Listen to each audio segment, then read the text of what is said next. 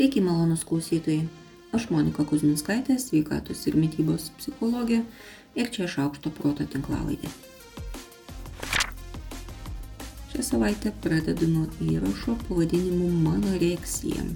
Anoreksija populiarioje medijoje vadinama mėl anoreksija arba vyrų anoreksija lietuviškai.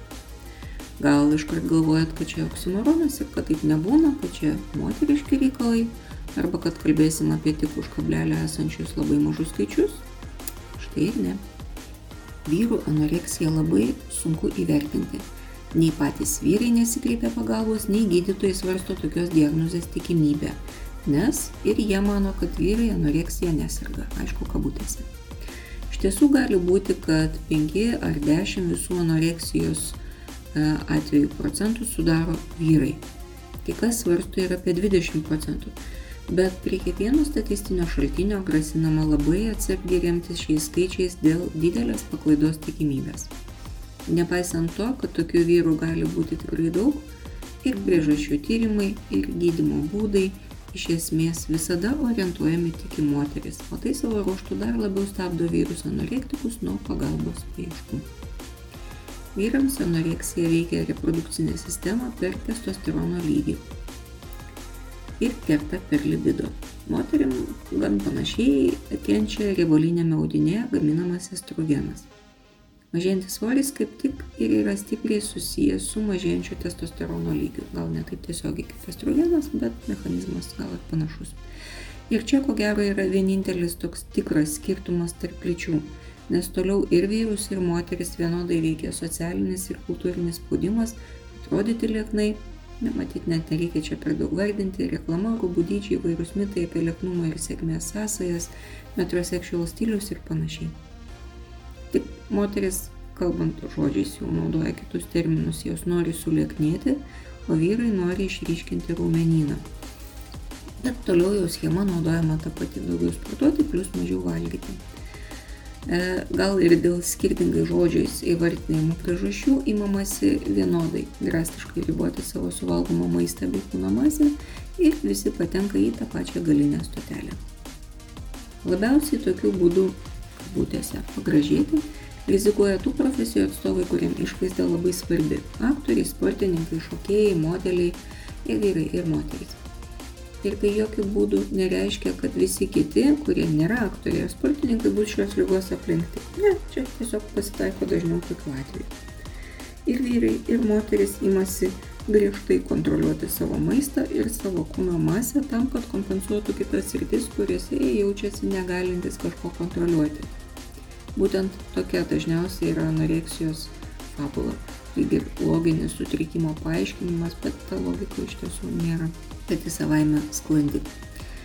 Tarp psichiatrinių sutrikimų anoreksija yra tas sutrikimas, nuo kurio miršta daugiausiai žmonių, bet kokios lyties. Todėl nepalikite anoreksijos nepastebėtos. Tai gali būti tiesioginė prasme mirtinai svarbu.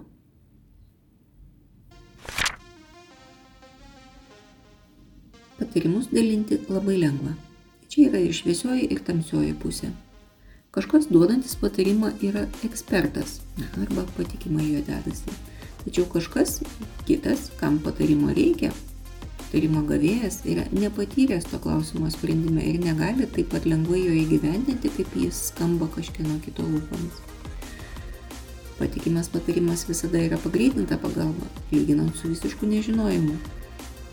Ir čia atrodo, kad viskas persipinę ir privalumai, ir trūkumai, ir pliusai, ir minusai, ir todėl negalima sakyti, kad gerai duoti patarimus arba blogai duoti patarimus. Sveikos mytybos patarimai tikrai neišimtis. Labai lengva siūlyti pirkti ekologiškas daržovės ir daugiau judėti, bet tikrai ne visų gyvenimo realybė tai leidžia. Ir čia labai svarbu atskirti negaliu nes tingiu ir negaliu nes turiu ypač mažai pinigų. Ne kiekviena priežastis yra pateisinama. Kaipgi žmonės sprendžia valgymo klausimus, turėdami labai mažai išteklių? Skaičiuoju apie tai tyrimą. Šio tyrimo dalyviai teigia, kad yra trys pagrindinės strategijos. Prašyti pagalbos, planuoti ir tirti arba eksperimentuoti. Pagalba gali būti ir labdaros maisto fondai, ir dalymasis maistu, Planavimas gali apimti ne tik valgiaraščio sudarimą, tai ir pirkimo internetu sąrašų valdymas, ir pirkimas kartu, ir nuolaidų stebėjimas, ir maisto atsargų kaupimas. Na, eksperimentavimas ir tyrimai gali apimti receptų internete paiešką, naujus ingredientus ir maisto šaldymą. Paprastai tokias strategijas, kurių seniau žmonės netaikė, o nutikus kažkokiam pokyčiam gyvenime, kai resursai pasidarė riboti, tada buvo pradėtos taikyti. Čia noriu pasinaudoti progą ir paklausti jūsų, pasidalinkit prašau komentaruose, kokie valgymo patarimai jums padeda, o kokie tik kelia pasipiktinimą. Žinau, kad kartojosi, bet pandemija tikrai stipriai paveikia mūsų gyvenimus. Net jei dabar galvojame, kad to poveikio nebejaučiame ar nejaučiame, pamiršome, kad viskas grįžo atgal į buvusias vėžės. Pandemijos metu padažnėjo atveju, kai tėvai naudoja maistą kaip apdovanojimą vaikams. Aišku, čia tik vienas iš poveikių, kuriuos patyrėm, bet pastebėtas ir toks. Irgi žinau, kad sumažėjo galimybė apdovanoti vaikus kitaip, bet tai na, ne proga kaltinti save ar išgirsti kaltinimą, tai yra tiesiog faktas, kuris yra užfiksuotas. Taip pat sumažėjo tvarkos ir taisyklių valgymo veikloje. Tai neigiamai veikia ir netinkamai formuoja valgymo įpročius, kurie po pandemijos galėjo niekur ir nedingti. Įpročių paprastai kritiškai mes nevertinam ir nematom, ar jie pasikeitė ar nepasikeitė.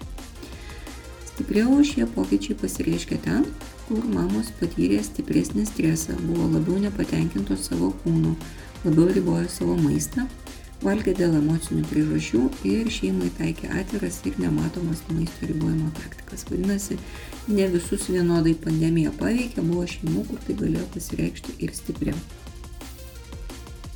Irgi noriu paklausti, o jūs dar pamenat, kaip valgėt per pandemiją? Ar tai buvo kitaip negu valgo dabar ir ar tai buvo gal netgi kitaip negu valgėte iki pandemijos. Būtent bandydami apžvelgti ilgesnį laiko tarpą mes galim pastebėti, ar pas mus nesusiformavo, neatsirado pakeitę įpročiai.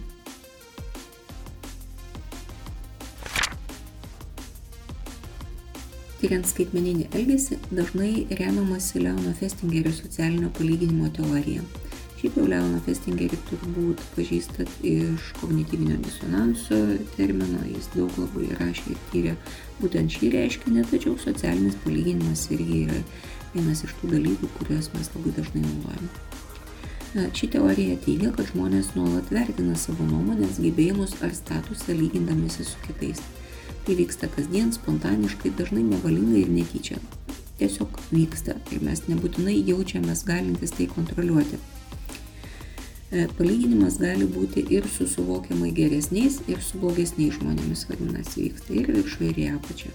Šio palyginimo rezultatai veikia tai, kaip suvokiame save, kaip formuojam savo savivertę ir kokia yra mūsų psichologinė gerovė. Vadinasi, tai nėra tiesiog momentinė mintis, ji turi savo šleifą ir veikia kitas mūsų mintis ir veiksmus. Mes lyginam save su kitais fizinėje, realybėje, tai gan įprastai ir nesusimastydami, bet gerokai daugiau galimybių tam turim skaitmeninėje realybėje, kur erdvė yra labai prisuotinta būtent tokios informacijos, kuris skatina lygintis.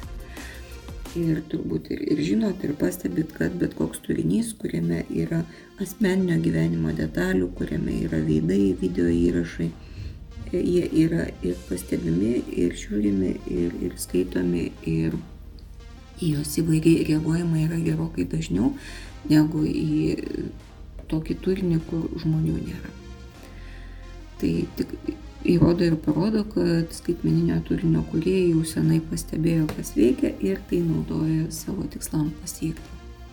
Na, jeigu jums atrodo, kad tai jūs veikia neigiamai, kad norėtumėt nebūti kontroliuojami tokių dalykų, tai pirmas žingsnis į laisvę nuo šio spontaniško veiksmo ir yra pripažinti, kad toks reiškinys vyksta ir pradėti ugdyti stebėtojo požiūrį į lygį stebėjimą iš šono, e, iš šalies, taip e, padedant savo priimti jau racionalesnį sprendimą, ar jūs norit ar nenorit tame dalyvauti. Vystant atostogų sezonui noriu priminti pailsėti. Na gerai, iš pradžių noriu pasiūlyti nuspręsti, ar tai bus atostogos nuotykis, ar tai bus atostogos poilsis.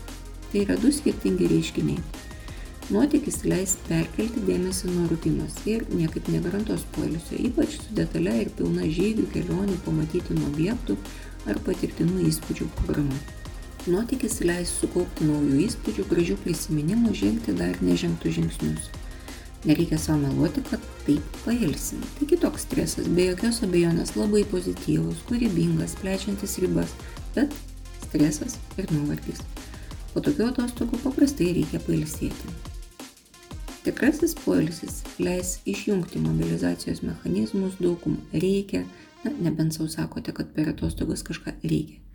Leis pajusti nuobodulio, ramybės ir atsipalaidavimo naudą. Laikas sulėtės, prioritetai susidėlios į savo vietas, atsiras lėto malonumo skonis. Tai tikrasis iškvėpimas. Po tokių atostogų pailsėti nereikia.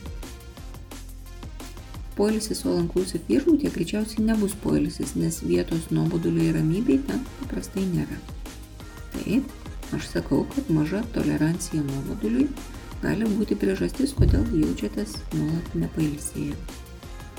Na, dabar pabandykite įvertinti, ar jūsų atostogos yra atostogos, ar vieno darbo pakeitimas kitų. Na ir tada jau linkiu pailsėkite. Tai irgi yra eksperimentas, šį kartą irgi labiau mintinis negu elgesio eksperimentas. Eksperimentas yra viena iš dažnai naudojamų technikų kognityvinė elgesio terapija. Eksperimentas yra skirtas patikrinti įsitikinimo teisingumui. Įsitikinimai yra saliginai tvirti, bet nebūtinai teisingi sprendimai, kuriuos naudojam nekritiškai, nebetikrindami kiekvieną kartą jų teisingumą. Klaidingi įsitikinimai gali metų metais mus vesti neteisingų kelių, taip ir nesuprantant, kas su manim, ar su kitais, ar su pasauliu yra negerai. Eksperimentas leidžia atpažinti klaidas įsitikinime ir, stovint akistatoje su nauja informacija, jį pataisyti ir perkonstruoti iš naujo. Jei pasidalinsit savo pastebėjimais komentaruose, bus nežabotai gerai ir taip visi kartu vieni kitiems padėsim. O jei numanot, koks klaidingas įsitikinimas vertas eksperimento, pasidalinkit. Irgi labai lauksiu. Šią savaitę tiek. Aš Monika Kuzminskaitė, sveikatos ir mytybos psichologė, padedu spręsti kasdienius ir sudėtingus elgesio, mąstymo ir emocijų klausimus. Rašau, skaitau paskaitas, teigiu psichologinės konsultacijas. Mane rasit socialiniuose tinkluose vardu Šaukštas Proto arba gyvai Vilniuje Goštauto gatvėje rašykit man asmeninę žinutę socialiniuose tinkluose arba elektroniniu paštu adresu šaukštas.proto ir gmail.com. Taikos ir ramybės.